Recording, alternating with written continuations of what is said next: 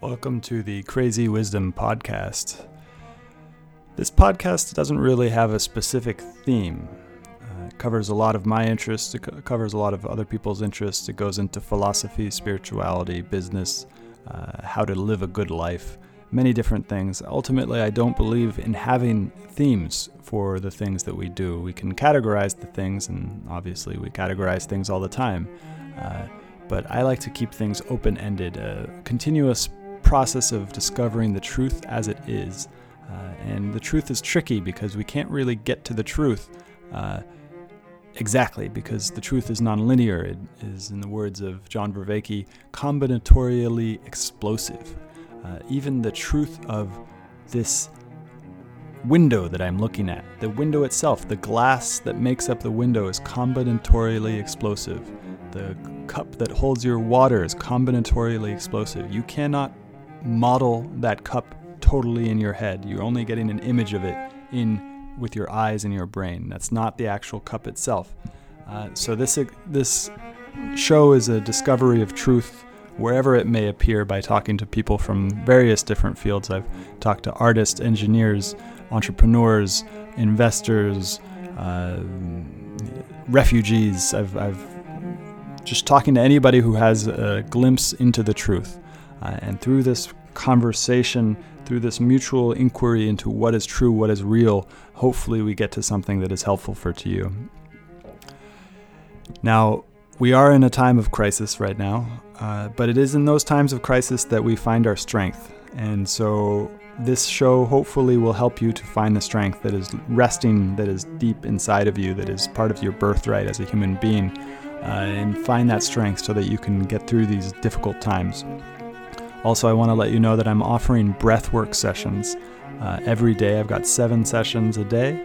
Uh, and really excited to bring this to people. People have been really enjoying it, and it has brought strength to people and courage. And, and that's my that's my goal is to help you find the courage to uh, not only survive but to thrive in the next couple years, maybe because this virus is not going away. Um, it, it, usually viruses come in waves.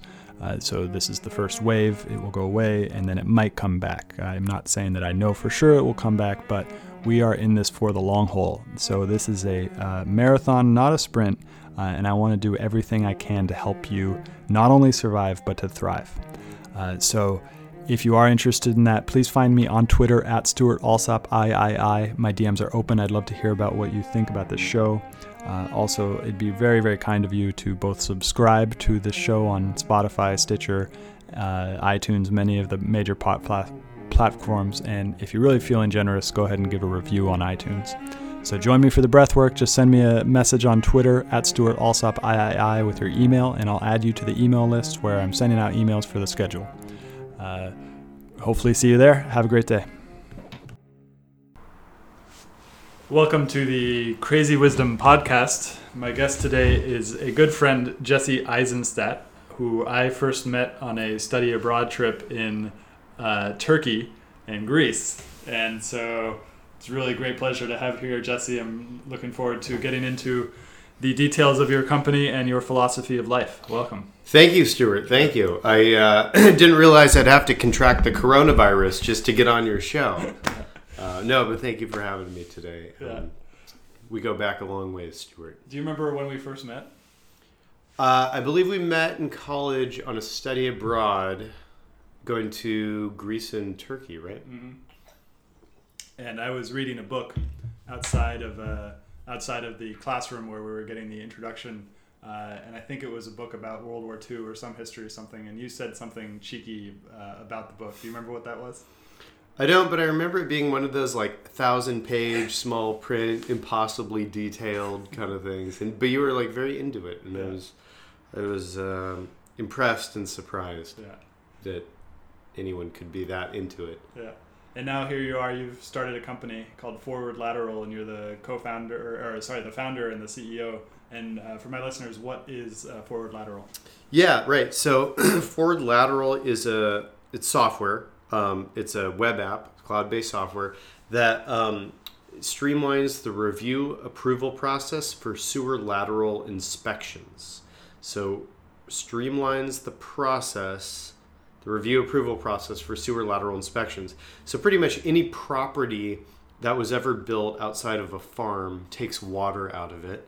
And so what we do is we digitize the inspections of that pipe that connects to the sewer main, um, which is the property of the homeowner or the property owner, and um, and you know sends that either to the property owner for the inspection or down to a government um, sanitary district for a review and approval.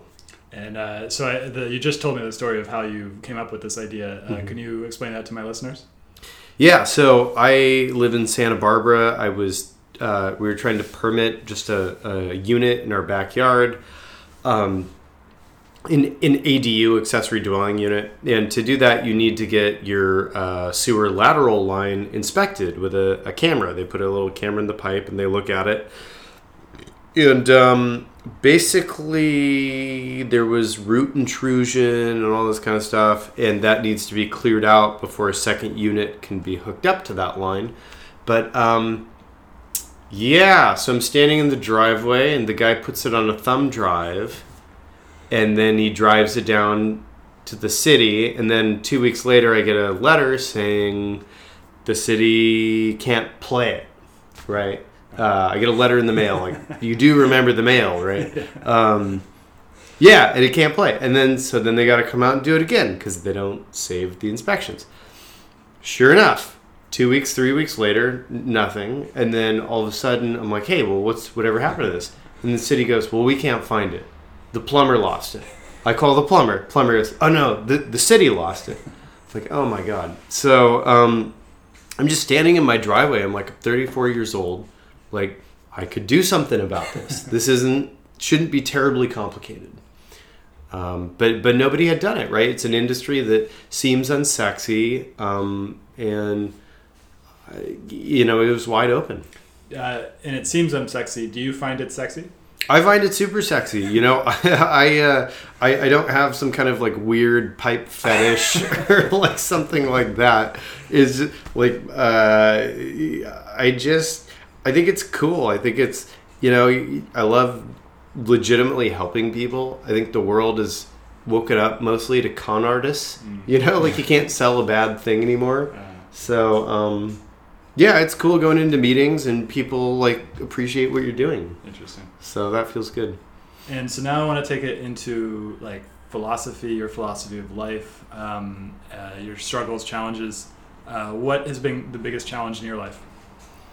Well, um, I know it's a podcast, but um, I I really struggled. Oh, people can't see me, but I'm I pretty much I'm you know six two, uh, white, uh, you know, partially Jewish, uh, Armenian American. Um, so I, you know I, I, don't come from like a, a, a, racial minority here in California per se, but um, you know I I had terrible dyslexia in school. I really didn't learn how to read to the fourth grade um, as a child, I felt uh, just broken um, in the school system, and I think that it was very traumatic. But I think that um, that sort of it, it just it just takes all the pressure off. It opens all the doors, and it just it just allows you to approach things without expectation or judgment or f- uh, fear of failure. Because I'd I was so comfortable failing. I mm-hmm. I'm almost surprised when anything works now. It's like, oh my god, they like it. Like, come on, how much did how much did Stewart pay you? You know, like there's some kind of conspiratorial plot. So, um, and yeah. What, what is dyslexia? I'm not even sure if anyone could explain it. I think it's just like different parts of the brain um, working at different speeds, and um, or, or not like working at different speeds, but but growing at different speeds. So like people with dyslexia have big time differences in their abilities. So they could be really good at math, but really terrible at um, writing or, or reading. Mm. Um, I what and it pops up in weird technologies really helped me as a dyslexic, um, like uh, in ways that could be its own podcast. But mm. for example, I always get Sausalito mm. and Salulita confused. Mm. I get B's and D's and P's confused just in the English language. um, it just it's just bizarre these different ways that Mm. it still manifests. So everyone else has this kind of, you know, they go into school and they can kind of do reasonably well on a bunch of subjects. But for anybody who has kind of a neuroatypical situation, then it's like you can do one thing really well, but you can't do a lot of other things really well, and you you you so you just experience a lot more failure in that beginning stages, probably when you're really young and really kind of sensitive, and uh, and then that kind of changes your life later on. But that, as you said, it's a, you know I, f- I felt a very connection, big connection with what you said about failing so much as a, I'm still part. It still feels like it's you know I'm still like not succeeding in a lot of things that I want to succeed at, but I'm very comfortable with that feeling because I've been in it for so long. Uh, um, and then, what made you want to start a company, or why why are you interested in creating something? Well, I feel like it's just kind of part of who I am. Uh, I feel like it's it's just in my DNA. I feel most comfortable doing it. Um, you know, I like uh, I, I- just I don't know. I, I just feel like part of dyslexia is you get really good at certain things that you're good at, and like one thing I was I always had the capability of doing is I i- if you dropped me off somewhere and left me alone there for an hour, I'd probably become friends with everyone there, like at a bus stop. If you just give me an hour, and I'm not trying to do that. Like that's just how I came onto this planet, right? So um, I, I just realized, like I, I read a lot of Paul Graham's essays. Um, you know, the the uh, uh, online. He's the the famous kind of entrepreneur, um, Investor. coder, investor, you name it. And you know, one of his big things is do things that don't scale first. Like how do startups get their early users? Um, you gotta go out and get them. It's recruiting. It's like um, think of college football. You know, you need someone who can sit down in the living room and say, "Son, you're about to make the best decision in your life. We've got the program to take you to the next level." right? And then you like you sit down and you you give them the pitch, but you gotta you gotta have something too. But um, this is sort of something I'm good at, and so I love the challenge, um, and I love having a good solution. If I didn't have anything good to sell, I'd rather just stay home and So fast forward five years, and let's say the company is, is wildly successful, and you've done all the things that don't scale, but now you're in a scaling point. Do you see an issue with changing your mindset to doing the things that do scale?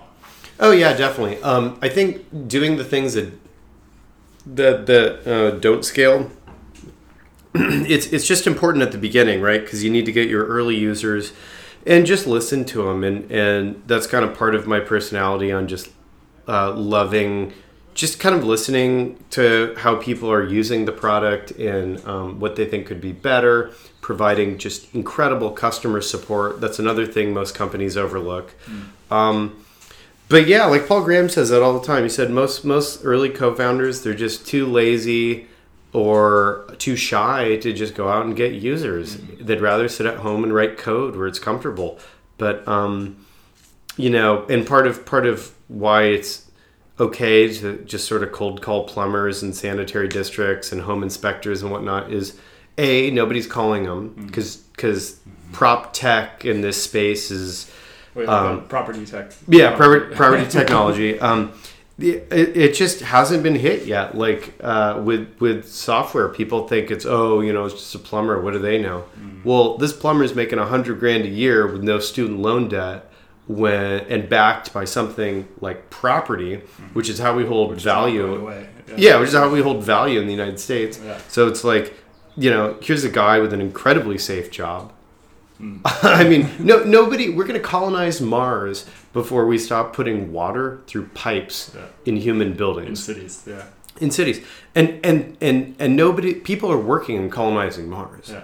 Nobody's working on uh, taking on, on pipes on, on replacing pipes. Yeah. Oh, hey, hey, I got a startup. We're going to replace pipes moving water in and out of houses. You want to fund me? Do you? No. Because it works and it's just, yeah.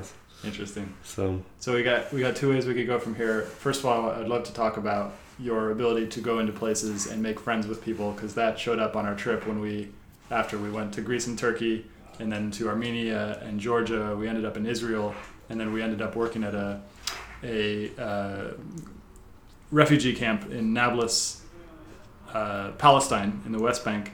And then made our way to Hebron, and we went through this uh, security checkpoint, Mhm. uh, and there was an Israeli guy with a gun saying we can't go, we can't go forward. Do you remember this at all? Yeah, extremely well. Yeah, yeah. What happened there? I This is what I tell my kids in bedtime stories.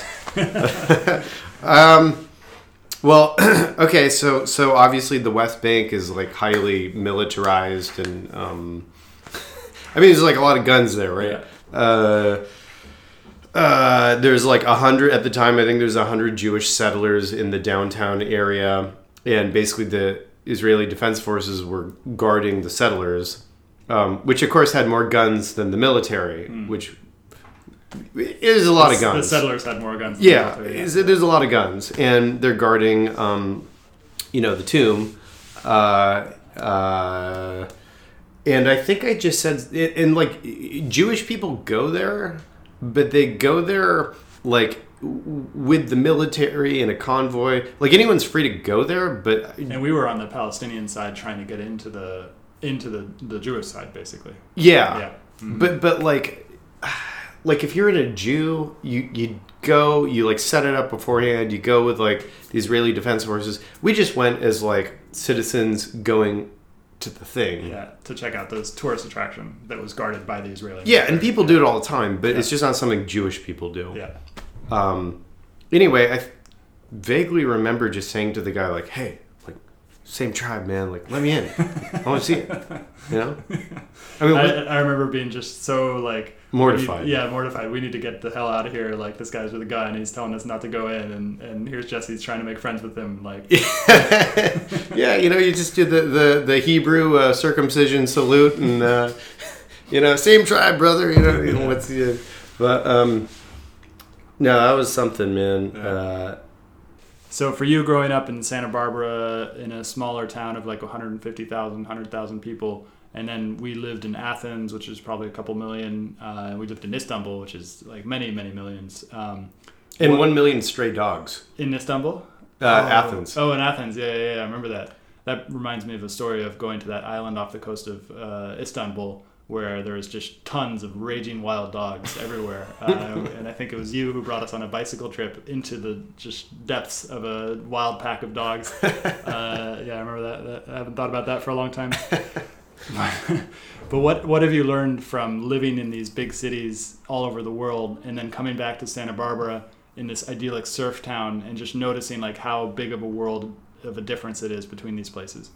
Well, I, I think that uh, you know we all we all perceive life through our own sort of eyes and processor and sensory system, and so everyone just sort of has different uh, versions of how they perceive the planet.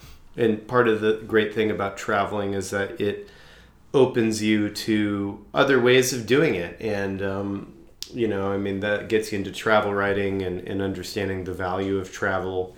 Um, but I think just just as a practice, staying open to stuff uh, and new ideas, new things um, uh, is is part of why we travel. And living in a big city, you know, one thing I love about big cities is the multiculturalism. Um, and and just sort of being around all that culture and ethnicity and just observing different ways of approaching the same thing, you know. I feel like that was multiculturalism is, a, is the case with cities here in the United States. For example, in San Francisco or Los Angeles, there's a huge multicultural atmosphere. But in places like Istanbul, I don't feel like, I mean, it was multicultural in the sense of like Middle Eastern, Mhm. uh, and you had a really interesting divide between.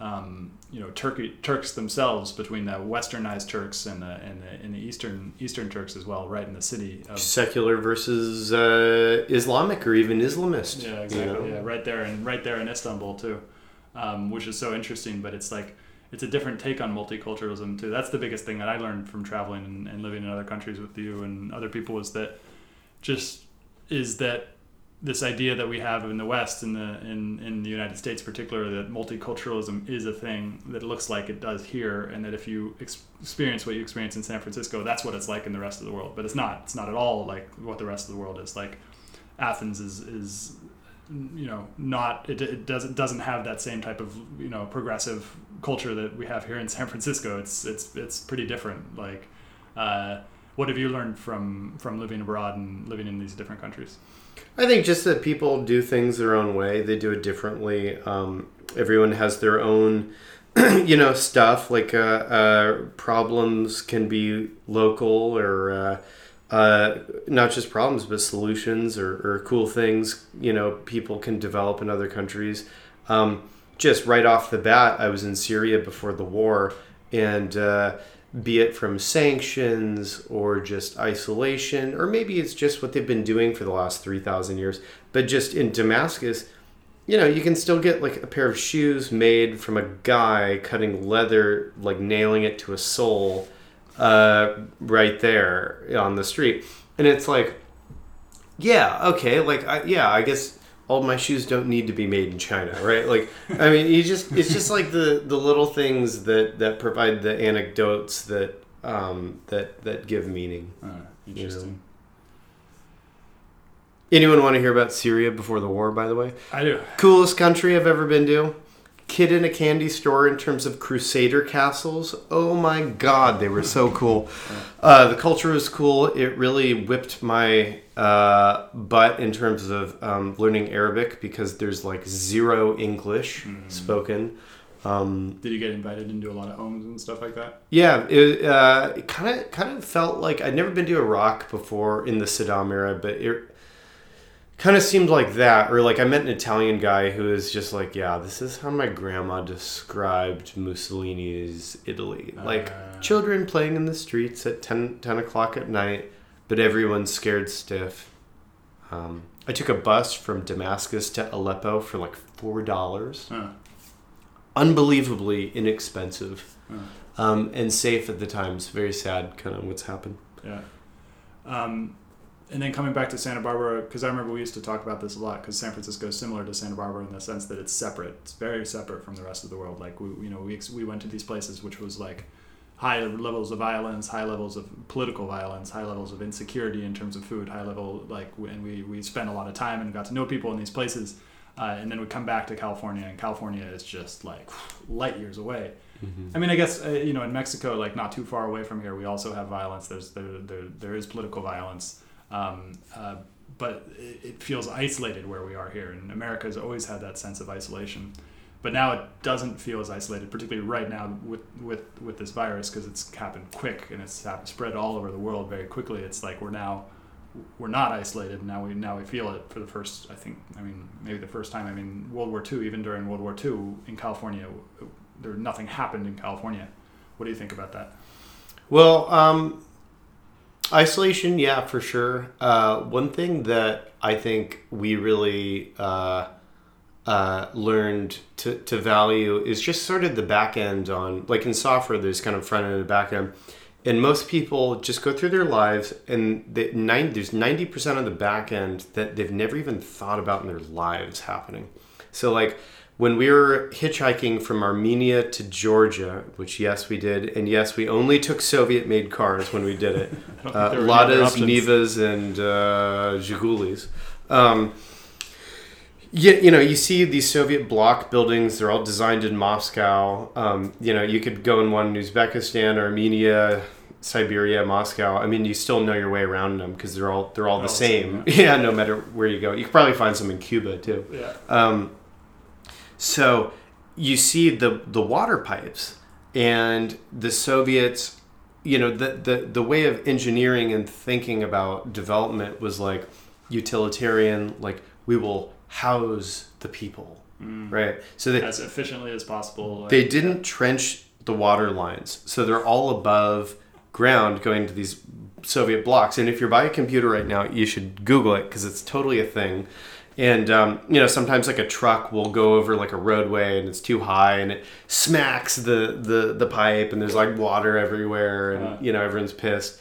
Um, so like y- you see the the fragility of the back end of human civilization going to these other countries. So then when we come back to the United States and now we're going to leapfrog over to back to what I'm doing with Forward Lateral, the tolerance for wastewater breaks is very low in the United States. We believe in preventative maintenance, right?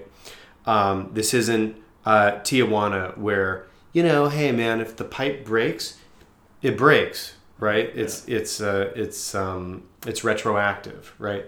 So, uh, but also part of like what we're working on too is a lot of these districts, sanitation districts, have been sued because every time it rains, all the laterals fill up with rainwater. It's too much for the uh, the district to, to process, so they have to hit the emergency button, which basically just dumps it all half treated into the ocean, right? Uh, We don't do that in first world America. Um, so people just, you know, you understand the back end of how, just sort of what like uh, stability or, or, or what um, how how these societies work, and then if you really zoom out and and pretend like you're you know Elon Musk orbiting the planet on a spaceship for a minute, we really are just kind of ants on an ant hill, and so it's almost better for people just to sort of pick just a job, as weird or marginal or bizarre as it may be. But if you're making a, a contribution to the collective, you know, I mean, that's something, right? I mean, that's pretty much what the economy is. Um, and the free market, it's like a gamified version of, of bettering the anthill, The which I'm going to patent that analogy. Um, but that's kind of what we're doing here. And um, it just drove me nuts that that thumb drives and paper processes and DVDs and is that a four inch or a six inch pipe? Well, I don't know. I can't read Jimmy's handwriting, you know. And- but like I was Jimmy in the third, fourth grade, right? Like I couldn't I had terrible writing. So I, I relate to the pain of of that um, personally, even though I don't come from the wastewater industry. I once read this book about this, uh, like seven major technologies that have been fundamental to human civilization, uh, and they're really simple technologies like glass, glass, you know, like um, uh, for lenses or you know, like lenses to see even just our glasses or microscopes, and like that one use, that one kind of domestication of glass changed our ability to see the whole world and changed our, our the way that we see the world. And the, one of the inventions was sewage. Uh, was how the hell do you get this waste out of uh, out of the urban environment into a place that we can handle it? What do you know anything more about the difference between sewage in the United States and sewage in other countries, like particularly developing countries and stuff like that? Oh God, yeah. I mean, you you just need to look no further than um, you know parts of rural India or you know Bill Gates obviously um, is is sort of one of the one of the non wastewater entrepreneurs trying to tackle this. Um, you you do know who Bill Gates is, right? I do. I What about our listeners?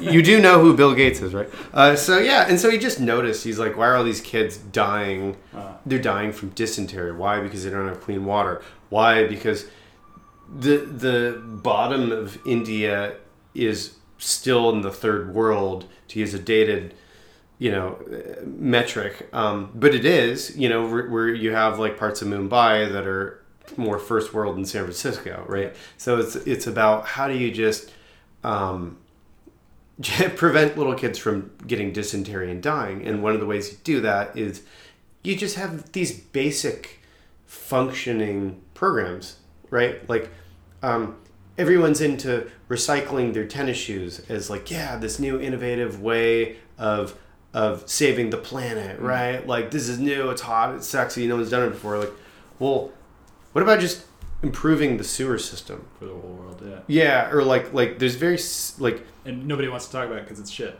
You know, it's like it's like it's, but, yeah, but it's not just shit. It's also just like showers. yeah. You know. But it's it's wastewater. It's the stuff we, we don't want to look at because it's waste. Yeah, it's coming down your drains or the toilet or the shower, you know, whatever. Mhm. Um, but you know, this is just it's again the back end of human civilization, and you only notice it when it's not working. Exactly. And so what happens? So you know, you go to the bathroom, you take a shower, the water goes down the drain hole. Mhm. Um, it goes through this lateral that you guys are talking about. Which is owned by the property owner. So, So the- if they're so in this house, liability, it's owned by your dad. yeah, Uh, we're at Stewart's dad's house, everyone. Um, uh, and uh, he owns that pipe. And so if you went upstairs and you said, "Hey, Stewart, your dad and you have the same name, Stewart. Um, did you know you owned your sewer? You own a piece of the sewer. You own a sewer lateral line." Yeah. And for then you ask him, "Well, did you know that?" And he goes, "Well, I, I don't own it." You know, it's like you know that's what it is. And so, um, most people don't even realize they own it. Um, and when you have these things, uh, you know, the, the, look, we're in California. Uh. Most of the properties here were built in the last hundred years, right? Mm, interesting. And so when our grandparents or great grandparents built these homes, the very last thing they were thinking about was, well, what happens when the cast iron pipe breaks 50 years from now? This is the last thing they're thinking about. They're thinking like, well, I got to redo the roof in a few years, you know. So it's like, but you don't need to be a roofer. Like you or me are not roofers, but I could tell you, and you could tell me if a roof is good or bad when buying a home. Uh, The lateral is the biggest capital expense that's hidden on the property because it could be ah. 20 grand for a new lateral, mm. but you have no way to check it without a professional. to go in with the camera to go check it out. Exactly. Yeah. And then you have to be trained to know what to look for too. Mm. Although some Is this are, part of the process of like if I were to buy a new home and you hire somebody to inspect the home, they would inspect this? Exactly, Yeah. exactly. And so, um, and then in some, you know, fifty or so districts in the, in California have had these lawsuits that you know by Baykeeper, or Heal the Bay, or Channel Keeper, or whatever, and they're basically saying to these guys like, "Look, dude, every time it rains, all the rainwater gets in to the laterals and into the sewer main, and then our plant can't process Uh, all this too much rainwater. Yeah. and so then the San Francisco Bay, which is a, common uh, asset, if you will, um, Public good. yeah, or, yeah, or a treasure of this planet. How about that? Yeah. Um, gets uh, infiltrated with unnecessary uh, wastewater and chemicals and stuff, and um, so these lawsuits happen, and so they enforce these sewer lateral inspection programs. So the most co- everyone does it a little differently, but the most common one is point of sale. So when you sell a home, you got to get the lateral inspected because it doesn't matter if one or two laterals are leaky. It's it's when it's exponential. Mm. So if you look outside, I don't. I'm looking outside right now. I don't see a lot of new homes. I see a lot of homes that were built 50 years ago, mm-hmm. and the chances are there's root intrusion. You're having collapses. You're having just flat out separated joints, mm. and so when this happens exponentially, the salmon run gets really tangy. Is what I'm saying. So, and this goes back to the something we were talking about earlier about cities and the rise of cities and cities in older parts of the world. Because in those older parts of the world, like in Rome, you know that they're, they're, they were not thinking about that. Well, maybe they were thinking about it, but in a different way, because they did have sewage in Rome, uh, but it's you know very different type of sewage. Uh, and so they're building these houses, houses you know thousands of years old, 500 years old, uh, don't have that same type of sewage capability. And then I think about how these big cities like Lagos, Nigeria, you know, just like Yeah. you know the center was probably built fair amount of time ago, but then the outskirts are just totally new.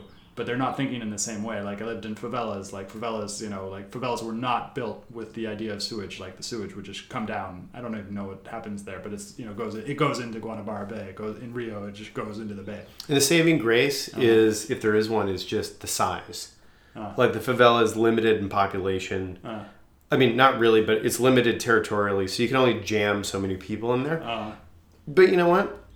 Yeah, I wouldn't go into the bay after it rains, yeah, right? Yeah. That that's the that's the downside. yeah.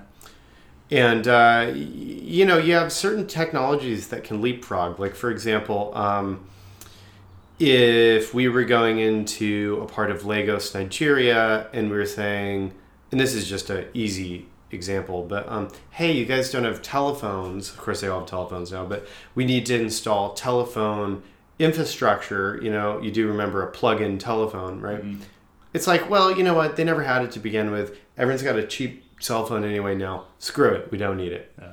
But you do need electricity You do need sewer system. and you do need a sewer system and you can cheat electricity. Mm. Um, I've been in fish camps in rural Baja where they pretty much just use like a car battery on a light for eight hours, then put the battery back in the truck when they're driving it in the day to charge it, and that's light in the house, right? Whoa. So, so you can even cheat electricity or solar panels or whatever. Yeah.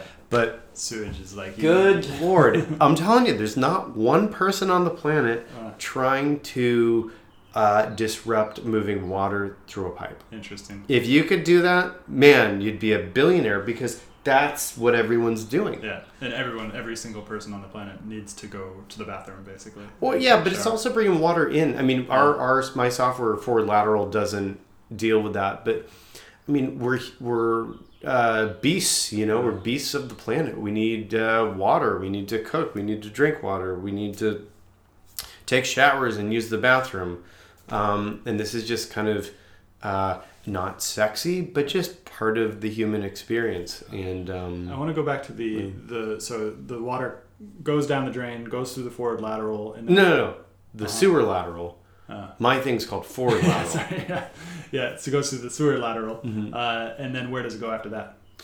Uh, it goes into the sewer, so it goes into the sewer main, right? Okay. Oh, so there's a, then there's a main pipe. Yeah. Which connects with all the little pipes from all the different houses. Yeah, so each individual, each house, you know, in theory, has a, a lateral line, and that connects to the sewer main.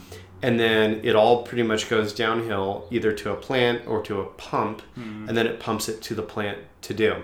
And so, um, And then the pump refines it, or the They- pump cleans it, and then puts it back into the water system. Yeah, it's really it's really kind of a trip. Um, so if anyone out there is uh, uh, is is next to your computer again or a phone or whatever, go look at the Bay Bridge and go look at it on the other side. Um, On Google Maps, or yeah, uh, yeah. So that would be what is that like Berkeley or, or Bay Bridge, yeah, would be uh, Oakland. Oakland, Yeah. Oakland.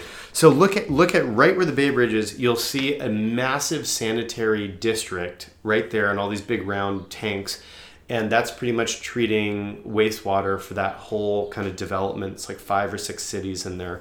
on Um, the East Bay, and then San uh, Francisco has its own. Yeah, Uh-huh. and um, because real estate's so hot here, um, a lot of districts kind of share them, and they just make them bigger where they are. But um, pretty much, you see this wastewater go to the district. They do a number of processes. They separate um, solids from water and and obviously you know and, and and it's not just like shit just to be like crude about it it's um you know there's just like stuff in there like sludge or just stuff um and uh, so they separate the solids they eventually dehydrate it um, and treat it. Dehydrate, hydrate the solids. yeah and then it's actually i think used as um I don't. You know what? I I don't want to speak. Okay. Yeah, it's taking me out of my my uh, my my lane a little bit. That's beyond the laterals. yeah, uh, I, it's either thrown away or used um, for some kind of like uh, Fertilizer. Yeah, fertilizer. I don't know. That that may not be true. Okay. So I don't want to. verify. Yeah, lead that on. If you're Yeah. still next to Google, you look that one up too. Uh, us, tell us. but but then um, the wastewater is treated. Hmm. Um, there's these giant trucks with chlorine uh, or bleach or whatever um, trucked in. They dump a bunch of this stuff in, and then somehow they can remove it, so they can take the bleach out of the giant uh, barrel, like massive barrels, just with untreated wastewater. They put a bunch of it in. It kills all the bacteria, and then when you see like recycled water at a park, Ah. that's what that is. It's treated wastewater that has no health risk, but I wouldn't advise drinking it. But we're getting to a point where it, the water can be so well treated that you can drink it. uh, interesting. And and so I want to understand. But then ask where it goes next. well, where does it go next? Well, it goes out into the bay, of course. so they have these these pipes that take it way the hell out to the middle of the bay, Uh, and um, and and it just shoots it out. And as as the tide rolls out, it sucks it all out. And even if you were kayaking right, you know, you know half mile out where it is, um, where all the water shoots out, uh, you should be fine. That's the theory. and then, but in a place like Guanabara Bay in Rio de Janeiro, the favelas, all the sewage just goes into the bay, uh, and then the same process happens, except the water is disgusting. because it's untreated. It doesn't go through the chlorine process, and um, yeah, it's uh, yeah, man, it's it's you just. Eh, but then it affects the whole ecosystem, right? It's not just like oh the. You know, you're gonna get a gnarly case of swimmer's ear. It's like you're affecting the wildlife, the food sources, um, the quality of life, and um, and and and it and it hurts back you know growth of a city right it's like how do you expect uh, the rest of the city to function if you know you've ruined a food source or this or that so um, And then so for the and then so the water goes out, but how does water then? Do you know about how water comes into the house, into each house? Well, uh, it comes in through pipes, but where does it come from before that? Uh-huh. Um, Like Hetch Hetchy Reservoir. in- yeah, you know, I suppose it comes from reservoirs Yeah. and uh, uh, goes through the. fluoridation. Do they fluoride? They put fluoride in the water, right? Yeah, I guess Yeah. they do. You know, it's funny. I really, I haven't really Looked at that. as- looked at that in as much, but um, yeah, I mean, makes sense, right? Hmm. Um, This whole inter- this whole thing is so interesting because you've just gone into this thing which you know we described earlier that seems unsexy, uh, but then so there's so many caveats. So it's so important to the way that we live lives. Like we, we it's like, but nobody thinks about it because it's just like a habit. And because we live in civilization, it's like it's all just taking care of us. But like like honestly, we should have like gratitude for the fact that our water works every day. Uh, but we don't. We just kind of like, yeah, just go flush the toilet, and there it goes. Uh, and it reminds me of like in this world that we live in, you know, the the Tao, the Tao Te Ching says the ten thousand things. You know, we can occupy ourselves with the ten thousand things. Uh, and there's just all these little things, and you can peer into this part of reality that nobody else is peering into, and you can make a business out of it, and you can understand something that nobody understands, and you can kind of like create a whole life out of this just random thing that's like so important yet nobody thinks about it because it's so important because it's been taken care of like what do you think about that? And just like about this is a question a philosophical question about the nature of reality how you can kind of like when you're just looking at things you know it's just everything kind of seems you know it seems put together but then you peer into this one part of reality and then it opens up into this just like totally non-linear thing. What do you think about that? Yeah, no, I think that's correct. Um, basically, like if anyone is going to go start a business today, just go look at something that's not working. You know, go look, go go look at pain points. One thing I love about, I was attracted to about Forward Lateral as a business was it's backed by a very solid industry. This isn't. Um, like Bitcoin, where you know there's some guy with like 50 computers down at the harbor running like a little local farm or something, right? Um, I mean, this is like it, it's got a solid industry, um, and you're making it you're making it easier, streamlined, and better. Um, yeah, but but uh, the, anyone who's ever you know dealt with technology in in creating it knows that. Um, when somebody messes with just one little thing on the back end, it can throw the whole ship off. yeah And um, and that can be a metaphor, as you kind of point out, for society too. It's uh, you know you need all these things working to to kind of guarantee um, stability yeah stability, and that's that's that's what that's why we pay our taxes in these, these first world countries to live in. That's why. Um, you know that's why uh, it's nice to live in a place that you know despite what happens politically there's sort of like a mid-level bureaucracy of lifetime you know workers um, both in government or just tradesmen who just take care of this stuff you know and, and they're experts in what they do they're good at what they do um, and and that that's such a value that people again like people do not appreciate the the trades nearly enough yeah. um, And we've lived in places that are the opposite. I remember one example right now is when we were in Nablus working at the refugee camp. The we were in this apartment building where there were like seven of us in this three bedroom apartment building, uh, and then the Israelis. This this city was a a target for for the Israeli uh, government be, or the Israeli, Israeli military because it held a lot of the um, the uh, freedom fighters or the the the the, the militants. Uh, and so Israel, the Israeli. no that's army- not what happened What happened? Well, the, the Israelis were doing raids in the city like they normally do. Yeah. Then what happened is Hamas decided to take over the Gaza Strip from Fatah, Oh, the that's right. other Yeah, yeah. faction. Yeah. And then In 2007. Yeah, and we're like reading this in the paper while volunteering at this refugee camp, like like teaching five year olds how to read or something. And um, we're like, holy shit! And then next thing you know, Hamas makes a play for the West Bank, and so the Israelis pull out, seal the city, and there's like seven of us in this apartment. And then Hamas is starting to fight Fatah, which is like In the the other streets, yeah. party, Yeah. and we're just like, oh my god, like what is this? And then what happens next is what you were right about to say Uh huh.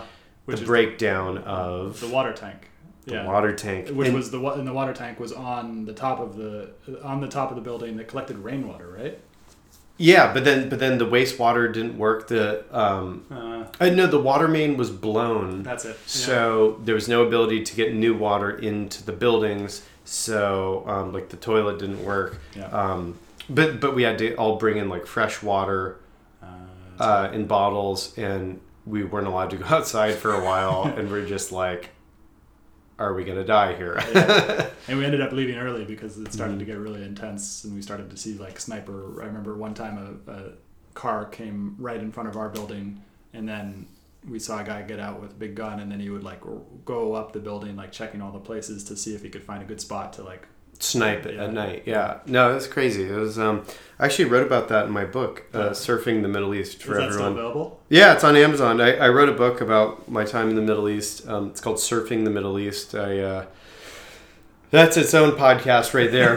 But uh, yeah, I, I do detail um, Stu, Stewart and his time in Nablus. Um, yeah, it was it was crazy. But the point on why we're talking about this is when you see violence or instability, you see the breakdown of um, you know pu- the the public infrastructure, electrical, water.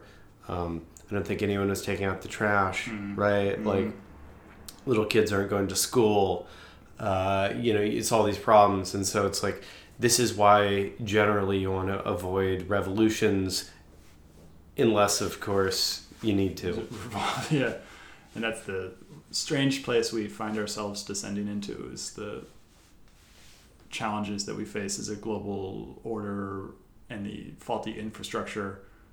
I mean, in, in the United States, we have a great infrastructure for physical things, but I think on the financial side, we've been playing around with these kind of like, essentially like, if we were to imagine the back end of the financial system, people have been Mhm. like making all these little changes in the back end to hold up the system, which like needs to needs to have periods of renewal, uh, and we just kind of haven't let those periods of renewal figure themselves out. So Sure. each one gets worse and worse and worse, and so. Uh, and then that financial infrastructure affects everything else. Um, Well, think about like Nancy Pelosi. We're here Uh, in San Francisco, right? Yeah, She she's not organizing a militia.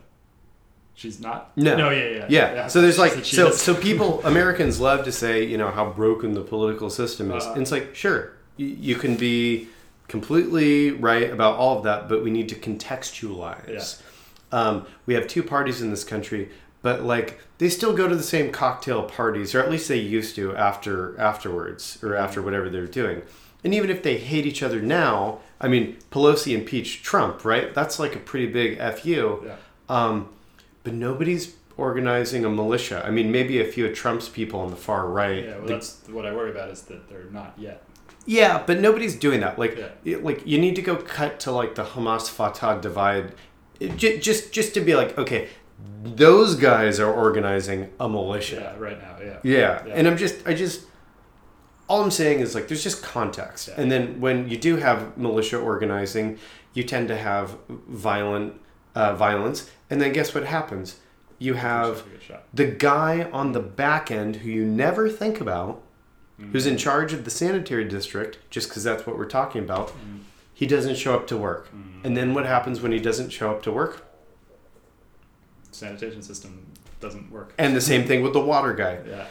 you know and so um, people just forget about all this stuff they don't and and it's cool i mean it's like this podcast has been amazing because we've, we've kind of tied traveling and you know pu- public works Yeah. and and all this kind of back around. I don't know what other podcasts you would do that on but um it, it just brings up a good point you know? It's like uh, we should be thankful um and we should be uh just just context you know? Like the ability to zoom out and see the bigger picture is very very valued And then for me, it's like finding out the really stable stuff or the really important yet boring, yeah, really important yet boring stuff that needs to work for society to function, and like really putting our energy there as opposed to putting our energy in fucking I don't know Instagram, uh, Mhm. you know, like. Uh, uh, How- how old are you. Stewart? I'm 34 years old now. me too i'm 34 too when we're old men Uh, in vista del monte retirement community we're going to be laughing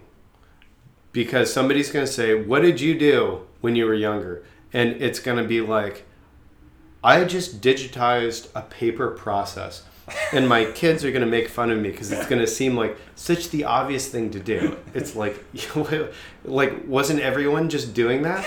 And it's like, well, they're starting to, and it's like just go look for the last of the paper processes on the planet. Um, and then and then go watch the users like all the plumbers when i was skeptical about plumbers maybe not wanting to use a software um, you know I, I, just went to go meet with a lot of them and i, I made mock-ups of the screen in figma mm. um, and was able to really get their their buy-in before uh, before you know really making the thing um, but I was watching them. They're on Facebook. They're on Instagram. They know how to use iPhones. Mm. Less, some of them less so desktop computers, but they know how to use their phones. And so it's time for the last of the paper processes on the planet. In the deep recesses of infrastructure. Yeah, to get replaced. And it doesn't need to be some like high end tech bullshit that's too complicated to work. Yeah, it needs Just to be simple. Yeah. Make it simple enough to work. Make it simple enough that it sells itself. Mm. Um, that's kind of been like the motto I've been hammering home doing this. It's like, it's got to be easy enough to work. And if it's not, then nobody wants to use it, nobody cares, and you're just wasting everyone's time. Yep. Well, thank you so much for coming on the show. How can people find out more about you and Forward Lateral? Uh, well, uh, Google, I suppose. Um, my name is Jesse Aizenstat, and then the company's Forward Lateral.